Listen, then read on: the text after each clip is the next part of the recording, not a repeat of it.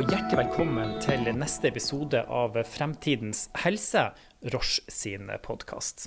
Denne episoden skal handle om forskning, om life sciences, og ikke minst om hvordan Norge ligger an med å bygge opp ei sterkere helsenæring. I dag har vi med oss Agnete Fredriksen, som er co-founder, forskningssjef og toppleder i bioteknologiselskapet Vaxibody et eh, norsk selskap som driver med vaksineutvikling. Velkommen til oss, Agnete, og eh, ja, tusen takk for at du eh, kan stille opp. Jo, bare hyggelig. Kan ikke du bare begynne med å fortelle litt om, om, om Vaxibody og ja, hva dere holder på med? Ja, det kan jeg godt. Vaxibody er et biotekselskap med utspring fra Universitetet i Oslo og Oslo universitetssykehus, hvor jeg tok min doktorgrad tilbake i 2007. Eh, hvor vi da utviklet en eh, vaksineteknologi som eh, er en plattformteknologi som gjør det mulig å lage vaksiner på en mer effektiv måte. Så det jobber vi med i selskapet. Lager vi forskjellige produkter ut av dette. Denne plattformteknologien. Og vi har et program som har fokusert på forstadier til livmorhalskreft, og nå avansert livmorhalskreft, sammen med Roche. Eh, og så eh, har vi også en veldig spennende studie som går på fullstendig individtilpasset eh, kreftvaksiner. Eh, som vi kaller neantigenvaksine. Veldig spennende. Kan du fortelle litt eh, eh, hvordan dette starta? Du har jo vært med helt fra begynnelsen. Ja, hvordan det startet? Det startet jo med en doktorgrad som egentlig var veldig lite Eh, bakgrunnen rundt kommersialisering på den tiden. Så det var jo ren forskning eh, som gikk på å utvikle et eh, vaksineprinsipp, eller egentlig et konstrukt, produkt, med forskjellige enheter som vi hentet ulike enheter fra ulike biologiske komponenter i kroppen, egentlig, og satte de sammen til et nytt produkt. Som hver enhet som vi har satt inn, har vi hentet fra et sted eh, fra noe som allerede finnes i kroppen, eh, og kombinert det inn eh, i vårt vaksineplattform, slik at hver del skulle få lov å fungere optimalt i synergi. da. Og det er liksom det som er plattformen vår, og så kan vi bruke den for ulike sykdommer. Så vi putter inn en eh, forskjellig del som kommer fra forskjellige kreftcelletyper. Hvis vi vil lage en vaksine mot ulike eh, kreftcelletyper. Og så putter vi inn deler som kommer fra ulike virus eller bakterier. Um, hvis vi skal lage en vaksine mot, mot de.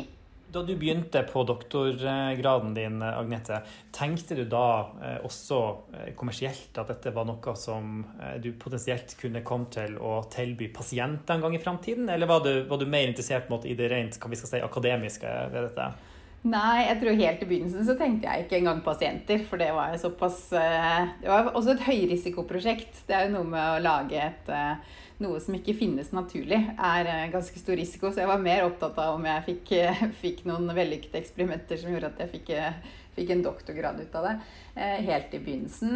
Så ble jeg vel veldig fascinert av tanken av å få lov å teste det ut i pasienter, ja. Så den kom nok lenge før den reelle kommersialiseringstanken.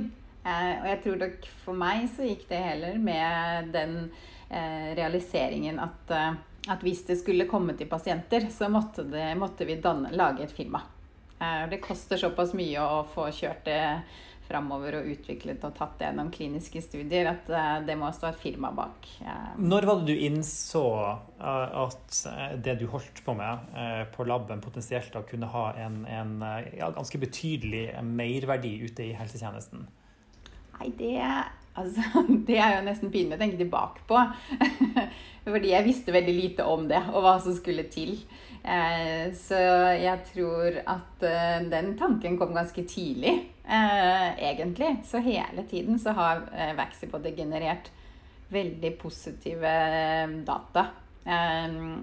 Selv om det nok ikke var like sånn målstyrt hva det var vi gjorde for å nå riktig og raskt framover eh, mot produktutvikling i begynnelsen. Så alt virket veldig lovende og i forhold til alt annet som ble publisert og sånn. Så derfor så har nok den tanken kommet veldig tidlig. At jeg hadde lyst til å teste ut hvordan dette fungerte i, i pasienter. Men det er jo ekstremt mange trinn som man skal igjennom, og som skal gjøres riktig og dokumenteres og eh, sånn før man kommer dit. Um, Eh, så det har vært en mye lengre prosess enn jeg trodde. Mm. Og jeg vil jo si at sånne partnerkonferanser som man går på, hvor man snakker med andre legemiddelprodusenter og eh, slik som eh, Roche, så var jeg vel litt naiv i begynnelsen og tenkte hvis jeg legger fram tre prekliniske data om at dette fungerer bra i mus, så må de jo skjønne at det er en fantastisk plattform å ta det inn hos seg. og utvikle det. Um, og sånn fungerer det jo uh, ikke. Uh, det skal ganske mye mer til um, normalt sett før, før, man får overbevist noen andre i å putte enorme alt, alt, det som skal til. Da. Det er jo enorme pengesummer og ressurser som skal på plass for å i det hele tatt få testet det ut. Du har kommet deg gjennom det som mange omtaler nærmest som dødens dal. Eh, hva er, det, hva, hva er, det, som er grunnen til at eh, såpass mange unge bedrifter da, som forsker fram nye livreddende medisiner, er såpass sårbare og eh, ofte dessverre går dukken før medisinen i det hele tatt kan lanseres? Nei, eh, altså jeg syns jo at Den dødens dal, den eh, har jo en misjon. Den skal jo være der. Eh, men den er nok der eh, litt av og til på feil premisser også. Eh, så det skal jo være noen riktige premisser for at det skal være en Dødens dal, og noen litt gale premisser.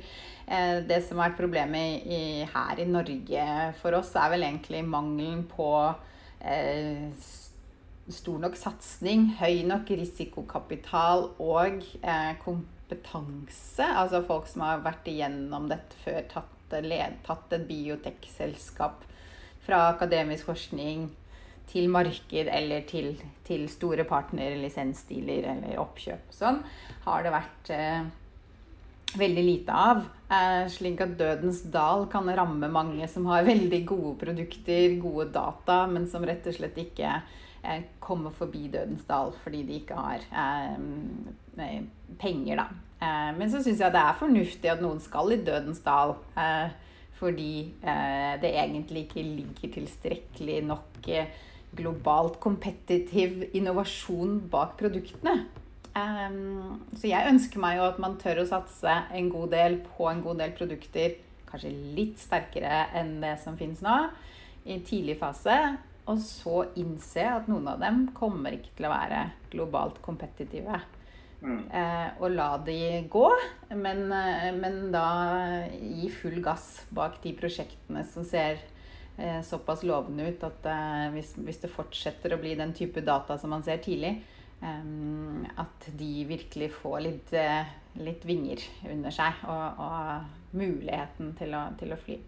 Men du nevner dette med at man i Norge kanskje eh, har mangel både på la oss si, kapital, eh, kanskje til en viss grad også kompetanse, og muligens også appetitt på å eh, ta denne formen for, for, for risiko. Er dette et hinder da, for, for startups innenfor helse? Ehm, er det sånn at potensielt veldig gode ideer da på en måte kan gå dukken fordi at man ikke ja, enten har kapital eller tradisjon på plass her i landet? Eller vil det bli fanga opp uansett pga. at det er globalt um, såpass stort potensial? Nei, altså jeg, ja, vi har vært veldig heldige med å skaffe kapital fra 2014. Så fram til 2014 så var det veldig tungt um, å skaffe kapital uh, for oss også i Norge. Så etter det så har vi jo hatt eh, en veldig sånn solid investorbase som har vært eh, supportive og, og langsiktig. Um, det som eh, Det som mangler, er eh, ut, altså Det som er veldig spesielt i Norge, da, det er jo at den investorbasen eh, stort sett består av generalister. Eh, vi har jo tilnærmet ingen eller veldig få av de selskapene som jobber i, i industrien vår i Norge, en, eh, er primært støttet av, av WC eller spesialistinvestorer som, eh, som har mye erfaring i bransjen, og som, som kanskje har et mer internasjonalt perspektiv. Eh, så det er jo det er en utfordring, syns jeg. Både for det å, å la noe, noen ideer dø, og la andre fly. Uh, det syns jeg er, en, det er noe vi burde ha mer av i Norge, da. For det er litt lettere å, å få satt ideene inn i et globalt perspektiv. så det er, noe, det er noe som mangler. Eh, men ellers så er den ressursen og erfaringene eh, noe av det som jeg egentlig savner mest. Og, selvfølgelig en sånn kultur om å dele. Eh, jeg vet ikke helt. Jeg tror det er litt sånn det er litt sånn, I Norge er det litt sånn konkurranse om de samme norske pengene. Så det er litt sånn hvis det går veldig bra med Vaxibody, så putter noen pengene sine inn i Vaxibody og ut av et annet norsk biotek. Eh, og det syns jeg er litt sånn usunt. Eh, fordi det fører til eh, en litt sånn um, unaturlig og lite produktiv konkurranse mellom biotekselskapene istedenfor at vi jobber sammen eh, om å bygge hele bransjen i Norge, da. Eh, mm. Eh, noe jeg syns er en litt sånn dårlig Om det er en direkte konsekvens, eller om det er en av mange. Eh, jeg merker i hvert fall at når jeg går på konferanser og, eller møter folk Vi er jo stort sett ute og reiser før covid-19. Eh, så, så, er det en veldig villighet til å hjelpe. Um, blant de fleste andre selskaper jeg møter, og sette folk i kontakt med noen som kan uh, som de selv har snakket med, og som kanskje kan hjelpe oss gjennom vår fase. Og der syns jeg vi er eh, generelt ganske dårlige i Norge, da. Så vi har litt å gå på på rett og slett kulturen eh, for å, eh, å, støtte hverandre, liksom, og, og, og, gi hverandre en, en, en boost da, for, for, å lykkes? Ja, det syns jeg. Det syns jeg det er mye å jobbe med på kulturen. Eh, det går jo veldig riktig vei, det er, og det er flere som ønsker dette.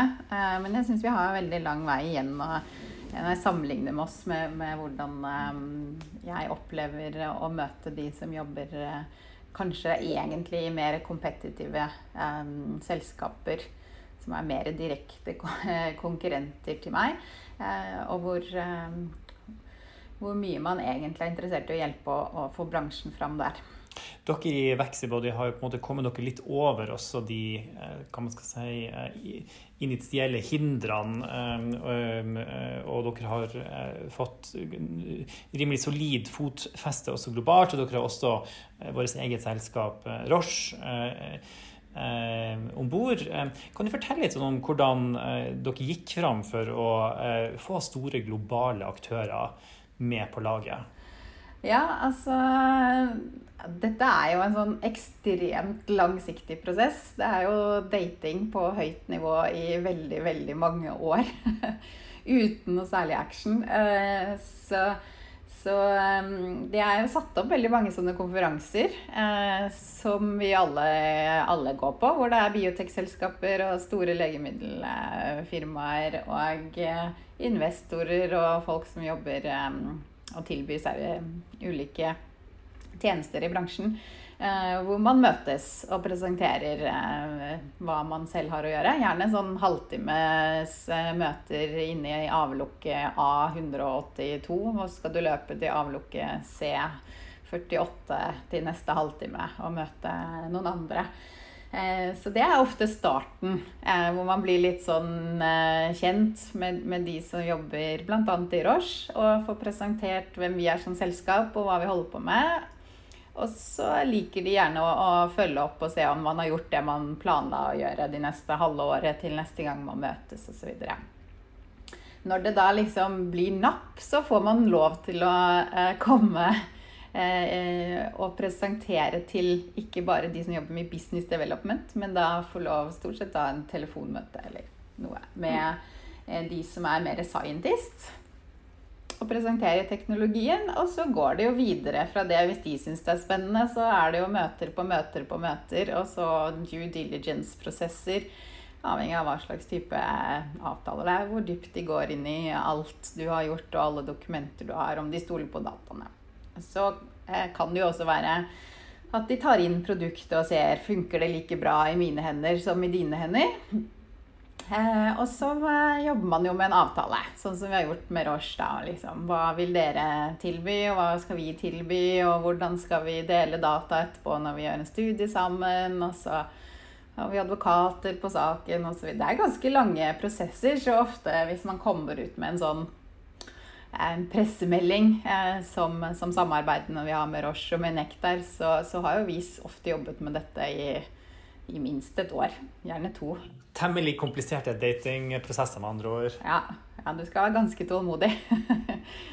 ganske tålmodig. Men det er jo også kjempeviktig for oss. Um, eh, veldig viktig for oss. Og, og selvfølgelig vi hele den prosessen eh, lærer vi masse av, eh, som vi bruker eh, til å bli bedre som selskap og til å utvikle produkter i riktig retning. Og, eh, og også samarbeidene selvfølgelig etterpå. Så nå har jo vi tilgang til eh, mange av de som jobber eh, hos dere, hos Nektar. og så diskuterer vi eh, hvordan vi eh, går framover på mest optimal måte. Så dermed så sitter vi og tapper inn på, på all den kunnskapen som fins hos dere. Og dere lærer mer om, om, oss og hva vi står for og produktene.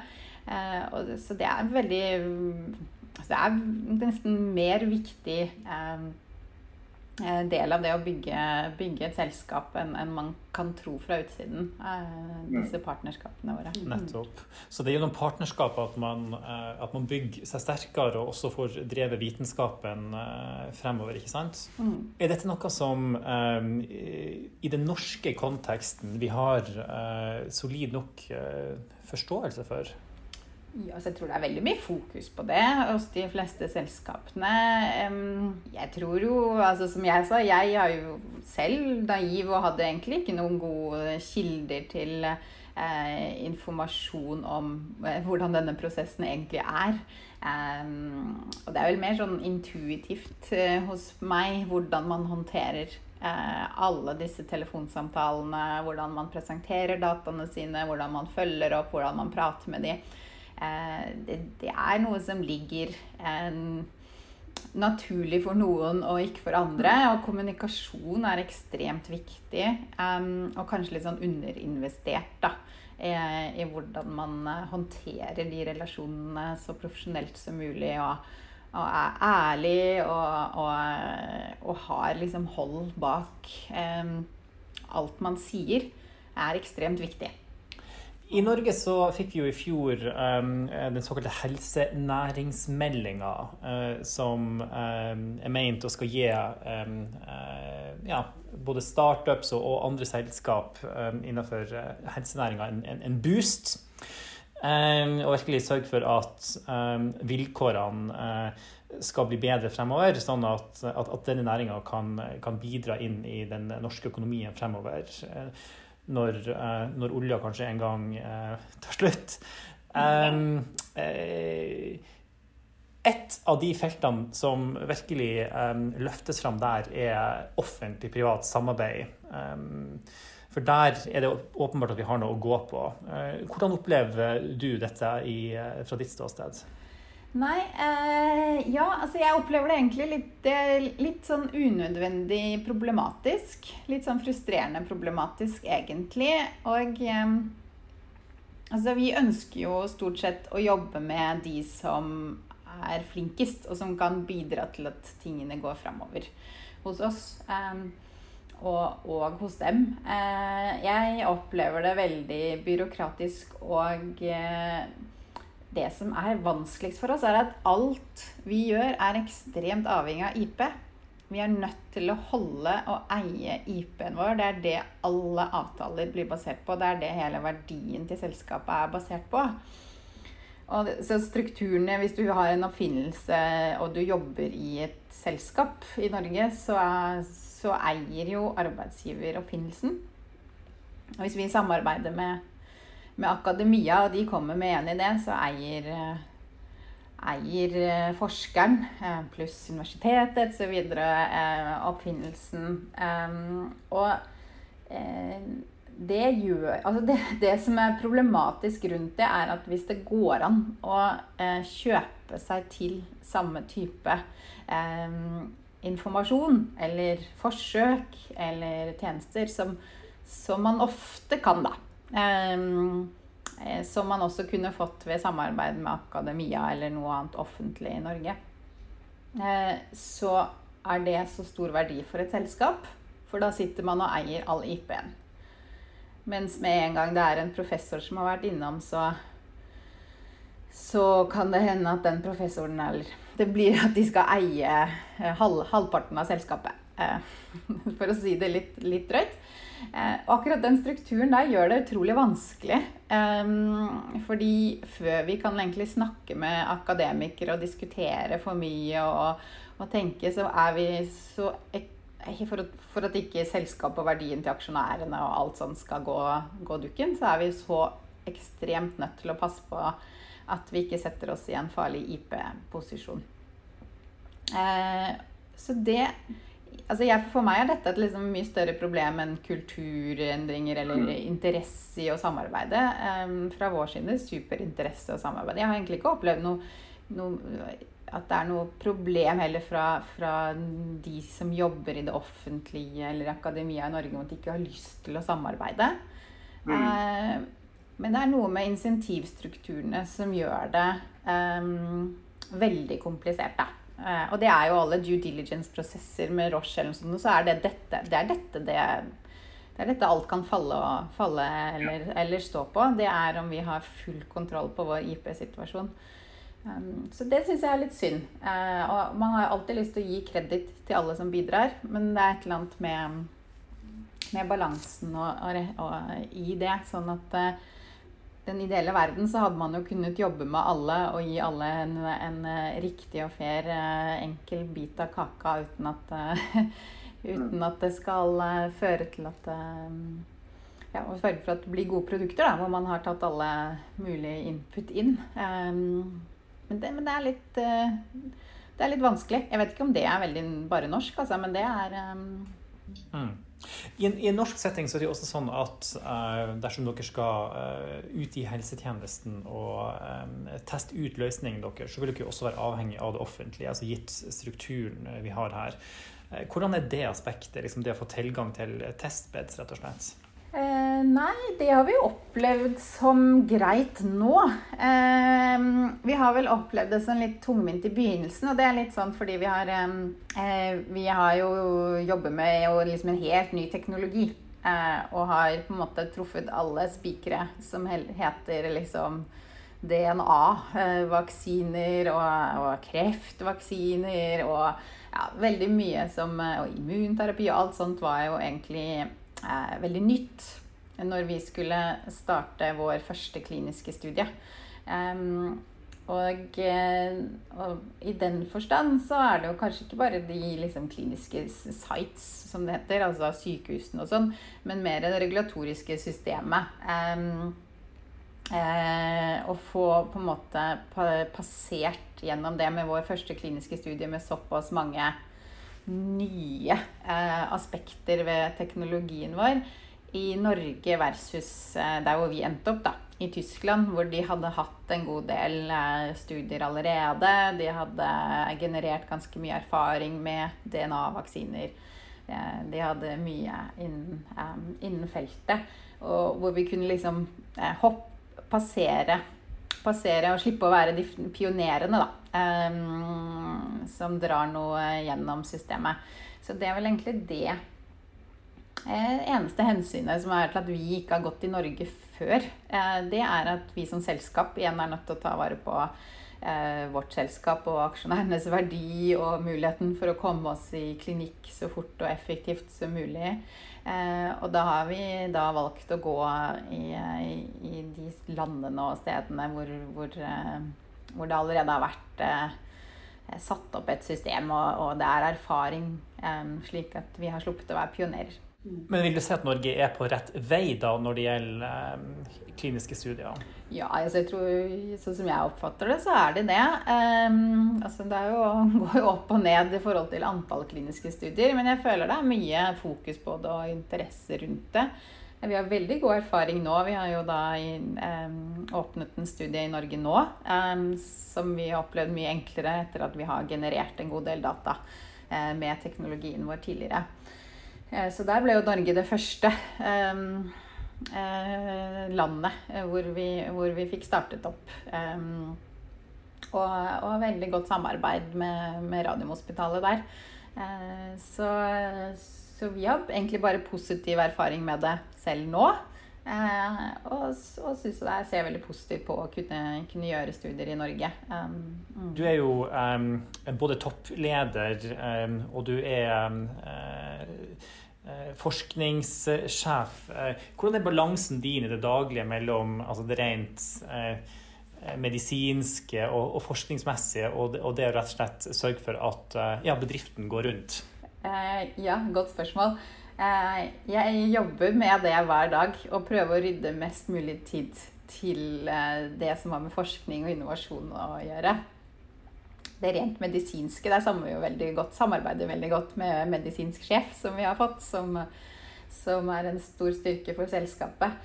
Ehm, men eh, jeg kjenner at det er det som trigger meg aller best. Jeg syns det er morsommere enn en kvalitetssystemer eller hvem som skal sitte på hvilket kontor, eller hvor mye vi skal gi i gave til noen som uh, har bursdag. Så jeg prøver og er veldig bevisst på Jeg har veldig god dialog med, med de andre i ledelsen I, mm. i, forbindelse med at, at, det er der jeg selv ønsker å bruke mest mulig energi, da. Så jeg jobber jo med å slippe litt. Mm. Hvordan har det vært å bevege seg fra det å ha på en måte ja, fra, fra å være en, en, en startup til å få en mer formell struktur på, på, det dere? Hvordan har den prosessen vært? Den har egentlig vært ganske rask nå i det siste. Altså, det har jo vært en litt sånn Vi var ganske lenge et sted mellom fire og åtte ansatte. Um, I dag tror jeg vi er 42.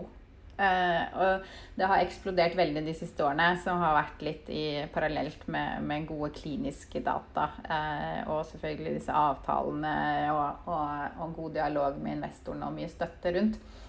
Uh, så det siste året, etter at vi fikk inn Mikael Engsig som, som daglig leder nå det er vel omtrent et år siden. han har jo veldig mye erfaring fra store firmaer og har, har vært med å å bygge firmaer eh, opp eh, mange ganger før. Til eh, å satt i gang en veldig profesjonaliseringsprosess. så vi har jo hatt veldig mye på stell før, men nå er det Nå er det veldig på stell, altså. Det er sikkert mer som skal på plass. Men det begynner å bli veldig Det er så mye kvalitet. Det er så mye kvalitet, ja. Men har det vært bratt læringskurve da, liksom på det hva vi skal si, rent eh, administrative? Altså hvordan få ei sjappe til å gå rundt, for å si det sånn? Nei, egentlig ikke syns jeg det. Jeg, men jeg, det syns jeg ikke Det syns jeg bare har vært fint at det er noen som vet hvordan det skal være. Og så jobber vi etter det. Eh, det, det er jo igjen det mangelen på det å ha tiltrukket seg mennesker som har gjort dette før, eh, som har vært frustrerende. Nå har vi jo folk på plass som har gjort det før, og da syns jeg det er relativt enkelt å både lære det og, eh, og implementere det.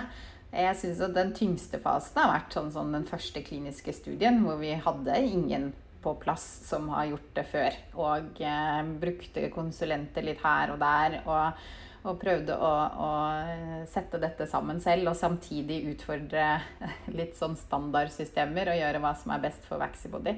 Eh, uten at jeg hadde gjort noen ting før, da. Det å sette opp en eh, TOX-studie, snakke med myndighetene for første gang, skrive protokoller og eh, IB-er og IMPD-er og alt. Eh, uten at vi hadde noen hos oss egentlig som hadde den uh, kjernekompetansen dypt uh, inne. Uh, det syns jeg Det har vært den liksom, perioden hvor det har vært tøffest og brattest læringskurve. Men nå med, med, både vitenskapen på plass, de rette menneskene og også kapitalen Hvis vi da kikker litt i, i krystallkula, hvor er dere i Vexibody om fem år? Om ti år, kanskje? Vi har jo ekstremt store, ambisiøse planer. vi er veldig, veldig eh, fornøyd og stolt over det vi har oppnådd nå i det siste. Og, og føler oss veldig trygge på at vi har en unik plattform. At vi har virkelig noe å bidra med. Så nå handler det jo veldig mye om det å bygge og bygge passe tempo. Og generere produkter ut fra den samme plattformen som vi har veldig tiltro til. Så jeg har veldig store planer. Fem år fram i tid, da har vi gjort så mye. Da har vi masse på gang. Masse produkter som har kommet langt. Eh, og eh, eh, vi har jo startet nå både infeksjon En infeksjonsavdeling i tillegg til da disse kreftprogrammene våre. Og har jo planer om å utvide antall produkter. Mm. Og tilsvarende, for å, for å, snakke enda litt mer om, om, om, fremtidens helse, rett og slett. Eh, Helsenæringa Norge, hvor ser du for deg at den er om fem år? Eh, er den på riktig vei eh, etter ditt syn? Ja, jeg syns jo at hver dag er jo på riktig vei. Da jeg startet, så var det jo, jeg, det var jo ingenting. Visste ikke hva et patent var, eller hva kommersialisering var, eller en investor, eller noen ting. Eh, og det var egentlig ikke noe sted å hente den informasjonen. Det er jo ikke det nå lenger. Altså, nå fins det jo ganske mange systemer og organisasjoner som hjelper til å bidra og gi informasjon til akademikere. Og vi er jo tross alt en, en, en, en ganske sånn eh, grei base med biotekselskaper her eh, som, eh, som, kan bidra. Så jeg syns absolutt det er på riktig vei. Det kommer stadig nye clustere. Jeg syns jo og håper at vi kan tiltrekke oss mer eh, internasjonal kompetanse. Um, det er kjempeviktig, sånn som vi er, det gjør det i Vaxbody nå. Vi henter inn primært dansker av en eller annen grunn. Eh, ikke spør meg hvorfor. Eh, med, som jo liksom Vi, vi lærer jo. Eh, vi nordmenn lærer jo også, og dermed så kan, kan, vi nordmenn som har jobbet med de som er fra utlandet, lettere ta over den rollen i et nytt norsk selskap. Så jeg synes at det, det en, vi må ha tålmodighet der. Det er en, en byggeprosess som tar litt tid. Mm. Eh, men jeg, så håper jeg jo på, på eh, mer internasjonale investorer som har eh, bransjekompetanse, slik at vi, vi, ser våre selskaper tidlig i et potensielt globalt kompetitivt i sammenheng. Ser du for deg at dere blir værende i Norge, eller havner dere i Sveits eller California? Nei, det tror jeg. Altså, jeg vi er, nå er vi 42 stykker her. Jeg tror ikke vi kommer til å flytte ut av Norge. Om vi, eh, om vi, eh, vi har jo allerede en del som sitter en god del i, i København, spesielt nå som reising er litt komplisert. Så et kontor i, i, København, eventuelt andre steder, er jo ikke usannsynlig. Men jeg tror ikke det er absolutt ikke noen intensjon om å legge ned eh, det norske hovedkontoret. Eh, det er det ikke. Men eh, kan hende vi sprer oss, sprer oss litt. Mm. Det er godt å høre. Tusen hjertelig takk til deg, Agnete, for en, for en god samtale og for at du ønska å være gjest i, i podkasten vår. Og til alle dere som lytter på, tusen hjertelig takk. Lik gjerne Roche Norge på Facebook og LinkedIn for enda mer innhold om Roche og om fremtidens helse. Her må dere også veldig gjerne sende inn tips til potensielle temaer eller gjester som vi kan ha med her i podkasten. Tusen takk for denne gang. Vi høres.